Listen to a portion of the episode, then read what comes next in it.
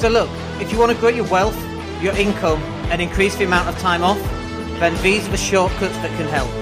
Welcome to the Wealth Creation Podcast. And welcome everybody, it's Dan. Hope you're well today. Welcome to the Property Cash Flow Show. We're going to talk about deal sourcing today. Uh, it's not something we've uh, talked a lot about uh, recently. We've done videos and that kind of thing, but we've not been live about it. And I just wanted to cover deal sourcing uh, specifically. Um, because as we're heading towards Christmas and in particular in the new year when people are getting their credit cards, a lot of people kind of have this one last good time before um, before they lose their house, basically. And so there's an opportunity for you to go in and, and, buy that property below market value, or to buy it with some sort of discount of some kind. Um, or it might be that you can actually go and help these people and go and you know not necessarily give them financial advice because you're not allowed to do that, of course, but just give them some help. You know, like sometimes we don't even buy a deal because actually the guy just didn't realize that he could have solved his problems in different ways and he just needs introducing to somebody else uh, like a debt advisor to help him through that. And it's not always appropriate to buy a house below market value. And, you know, from an ethical point of view, I think that stuff's really important. But also, conversely, you're also going to meet some people where they're so screwed. Like, they, there's just not a lot they can do at all. And actually, them selling the house, paying down the debts, moving into rented accommodation, having got three of all these this kryptonite around the neck that's pulling them down. That's actually the best thing for them. Or sometimes it's, uh, you know, they've been left a house and they don't know what to do with it and it's just sat there empty and they haven't to pay council tax. Sometimes it's two times the amount of council tax and, uh, it might be getting broken into and it's cold as well because it's winter, right? So now they have to leave the heating on and then energy bills. And so there's all sorts of different reasons as to why somebody might need to sell. And your job as a deal sourcer is one, to find those sort of people, and two, to step in and have a conversation with them at least to find out what their situation is and to see if you can actually help them. And if you can help them, wonderful. Sometimes that means helping them sell the house, and sometimes it doesn't. Sometimes it means something else. Sometimes it might mean um, doing a lease option on it. So a lease option is where you agree, you know, the hundred grand house, I'll give you 110 for it in five years time. But in the meantime, I want to rent it. Or it might be a rent to rent where you just go, yeah, I don't want to buy it, but I'm going to rent it from you for the next five to seven years. How would that sound giving you a guaranteed rent? So your job then is to go and actually, uh, find them. So deal sourcing really is just about uh, having two customers really. Your first customer is the person who needs to sell their house, or maybe they think they need to sell their house, but they're not quite sure, and so they need to have a conversation with somebody who can actually help them. So, as I just said, sometimes selling the house isn't the best option for them. Sometimes uh, renting it to somebody that they can trust over a long period of time, and also not everybody wants to use letting agencies. I mean, I used to own a lettings agency, and do I trust letting agents in 2023? No, is the answer to that. Um, why would I trust a letting agent? I, just don't trust them. Uh, sorry, letting agents, just the way that it is. Um, but if I don't trust them, other people don't trust them as well. So maybe you can get that long term let. So deal sourcing is finding someone who's got a property problem and then finding somebody else who may be able to buy that property and you being the person in the middle, putting these two people together. But this person be in the middle, which is you, you should be negotiating, okay, what's your situation, Mr. Homeowner? What's going on? Why are you thinking about selling? What other options are there? How much do you owe on the house? How much the house is worth? Uh, what uh, loans have you got? Because really, this should end up with a win-win situation. In fact, it's a win-win-win because you also want to win by either finding a sourcing fee uh, you know, a couple of grand or whatever that's going to be, or maybe you're just going to go out and rent their property from them for the next seven years, guarantee their rent, and then you might be running serviced accommodation. And you might even be thinking, well, if, if this, if I'm going to run serviced accommodation, why does this person not want to run serviced accommodation? Who knows is the honest answer. That's why your job should be to get into a conversation with these people who have a property problem and solve that property problem in whatever way that is going to be beneficial to them, uh, predominantly to them, right? You're not doing this just to go out and make money for yourself. I was at um, a, a sourcing event and the guy was teaching from the front and he was he was saying, "Oh yeah, a couple of days before we get to uh, exchange, or the day of exchange, I go, oh no, I need another ten grand off." And I'm like, I'm sat there and I'm in the audience. And I said, I whispered to my mate Dave. Turned out not to be a whisper because the guy heard me. But I whispered to my mate Dave. Uh, I said, you know what? This is why we don't uh, sell properties to sourcers. It was highly unethical.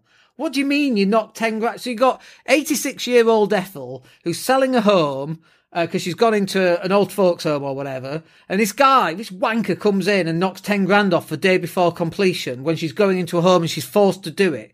That's not ethical. That's not how you run uh, this this business, and that's not how you do deal sourcing. And if you think that's who you're going to be as a deal sourcer, go do something else because it's really, really unethical. Anyway, I whispered it to my mate Dave.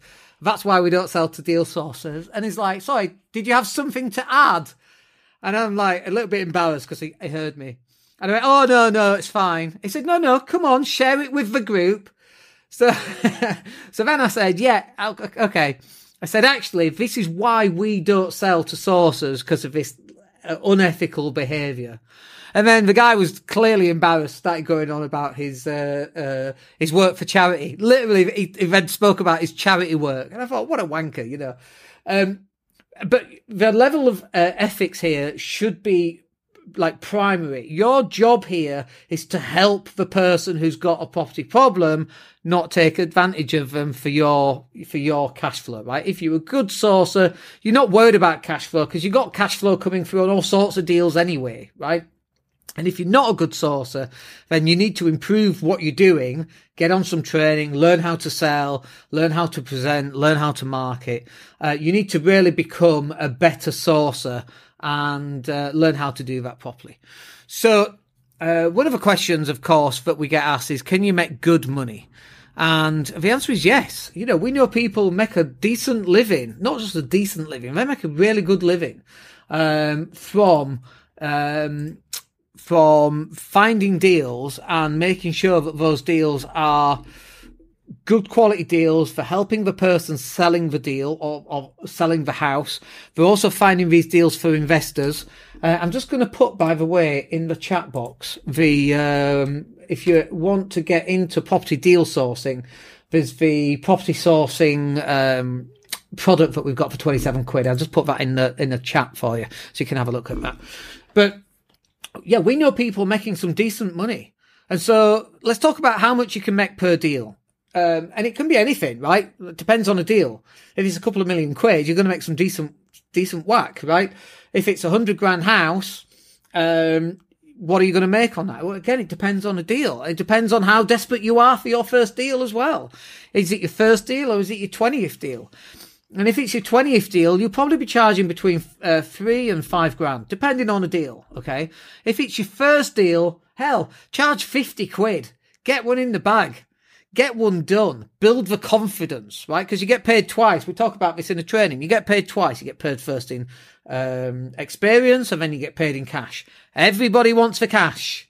You get paid first in experience. Get your experience, get one across the line, get it under your belt, whatever terminology you want to use, make your 50 quid or make 500 pounds. You don't have to make five grand on your first deal. Everybody thinks that you have to go out and do that, which is bonkers, I think. Go get one across the line, make 50 quid. I'll buy you a coffee if, if you get, get me this deal. Done.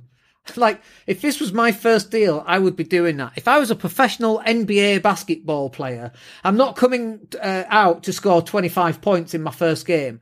I just want to get my first basket. That's all I want to do, right? And why do people make it so difficult? Why have these high expectations and then they never reach them? And then one of the problems is with property deal sourcing is that we get so many people buying the training course and then they buy a website. And then by the time the website comes around to next year for the renewal, and we're like, do you want to renew? And we go, oh no, I'm on to the next shiny penny. And this is the problem that we find a lot of people have. They, try and make good money, they try and do all these deals from getting top dollar, and the deals fall through, or they can't find an investor because the amount that they're trying to charge the investor is far too high. They've got zero reputation and yet they're trying to make a five grand on a sale. It's like, no, it's, it's crazy. That's not how this stuff works.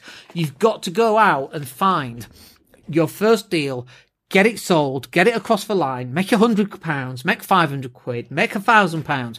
That's what you've got to do Once you then onto your second, third, fourth, sixth, seventh deal, depending on the type of deal and how big it is and what the discount is or what the yield is or whatever the deal happens to be, okay? Then you can start raising your prices somewhat. But this is about you building confidence on you getting these deals across the line. And if you've never got a deal across the line, that is your primary focus, not the thousand pound or the two thousand pound or the five thousand pound that you're charging. It's simply getting it across the line to get your first deal in. At that point, you can actually call yourself a, a property deal sourcer. Until you get your first deal across the line, you're just playing at it right? You're an amateur. Amateurs are people who don't make money you're an amateur, right? And that's fine to be an amateur because you're aspiring to get your first deal, to get your first sale, to get the first one across the line and get your first completion in. Uh, but until then, you're just playing at it. Sorry, folks, but you know, we want it to be, we want it warts and all. We want to be really honest about how difficult this industry is. So let's talk about that. Is property deal sourcing hard? Yes, it's very hard. Like, I know you go on courses, uh, you go on these weekend courses and so on. But it is just really, really hard. And uh, you go on the courses and it's all happy clappy and well I'm you know you can make five grand here and three grand there and so on. Let me just get rid of that call. Who's calling me when I'm live? And and so you um you get all these uh, courses saying how easy it is. It's really not easy. It's it's really difficult and you need to have a level of compliance um, as well, because there is property sourcing compliance. Let me just put the link in for the compliance as well, by the way, in the chat box. Uh, and then everybody's got it. Here we go. Stick that in there as well. So you do have to be compliant uh, in order to to even get started in this industry. Uh, I know some people go, "Oh, well, I'll be a co-sourcer." No, there's no such thing as co-sourcing. You have to be compliant. The HMRC, uh, you have to be treated as a, an employee of that business if you're co-sourcing, right? And you can't just go, oh, I'll just be a, an employee. That's not how it works. You can't just decide to be an employee and then you're an employee. They want paychecks. They want proof that you're an employee, right? Um, have you got your pension in place as an employee of that business? No. Well, you're not an employee then. That's a legal requirement to have employees. You've got to have this bloody pension thing in place. Um, so is it difficult just moving back to that? Yeah, it's really hard. Well, what about finding um, uh, deals? Is that hard? Yeah, of course it's hard. How many leaflet drops do you think you've got to drop? You know, uh, well, I dropped a thousand leaflets this month. Whoopie do. You ain't closing anything on a thousand leaflets. You've got to close, uh, drop 10, 20, 30,000 leaflets just to get your first deal across the line. And what about finding investors? Investors are everywhere, admittedly, but do they trust uh, property sourcers, deal sourcers? Not really. Do they trust the deal? Do they think you're going to screw them at the back somehow? Yeah, they do. So you got to you you got to work on this. It, it's not easy. Is it doable? Hell yeah. Lots of people making very good money from being a property deal sourcer, but it is hard work. And we don't want to kind of pull the wool over people's eyes and go, yeah, it's a really easy industry to get into. It's not. You need compliance. It's really easy to get your first deal across the line. It's not. It's hard work and it can take, you know, a month, three months, six months, longer for you to get your first deal across the line. It's very, very difficult. And then let's talk about competition because this is an interesting one, I think. Is the competition? Yes, there's lots of competition. Is the competition any good? No, it's dreadful, right?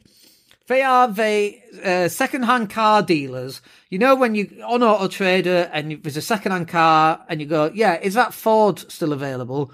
Uh, and the, they answer the phone and they grunt at you, uh, no, mate, it's it's uh, it's gone, but I've got another one. You know, like, come on, dudes.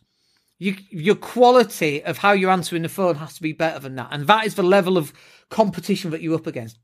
Trust me on this. Phone up one of the uh, adverts in the Yorkshire Evening Post for "Do you need to sell your house?" or one of the leaflets. Phone them up and test them. See what they're like. See how bad they are. Like, if you think estate agents are bad, the thing I never get about estate agents is, I want to book a, a viewing to come and see this property. Oh yeah, I can fit you in two weeks on Thursday. Dude, I've been in your office yesterday. You just sat playing, I don't know, solitaire. What do you mean two weeks on Thursday? Let me go see it t- today or tomorrow. I'm keen. I'm a buyer. I want to go f- see it, right? I mean, I don't know what it is with estate agents, but this is the level that a lot of property deal sourcers are operating at as well, right? lack of professionalism is there. And yes, there is a lot of competition. Yes, there's a lot of newcomers. But as I said earlier, a lot of those newcomers, they're not in the industry in 12 months time. Their website's expired because they don't want to renew it because they're on to the next shiny penny. So yes, whilst there is a lot of competition, a lot of newbies coming in, the old schoolers they're uh, few and far between because there's not a lot of old schoolers in this business because most of them give up after a year because it's hard work. When you get into your rhythm, when you start getting some deals across the line and you start to build confidence and um, knowing the path is different than walking the path. I think that's a line in Matrix um, from um, from Morpheus to Neo. Um, but it's true, right? it's very, very difficult. So the competition, because of its difficulty, they just kind of peter out and end up not doing anything. Anyway, that is a good introduction to being a deal sourcer, and I do hope you find that useful. Uh, that's me for today. We'll catch up with you uh, in tomorrow's session, and I hope you're well. Have a good one. Take care. Hey, it's Dan here. Thank you for listening. Really appreciate each and every one of you. Please click like or subscribe to the entire podcast.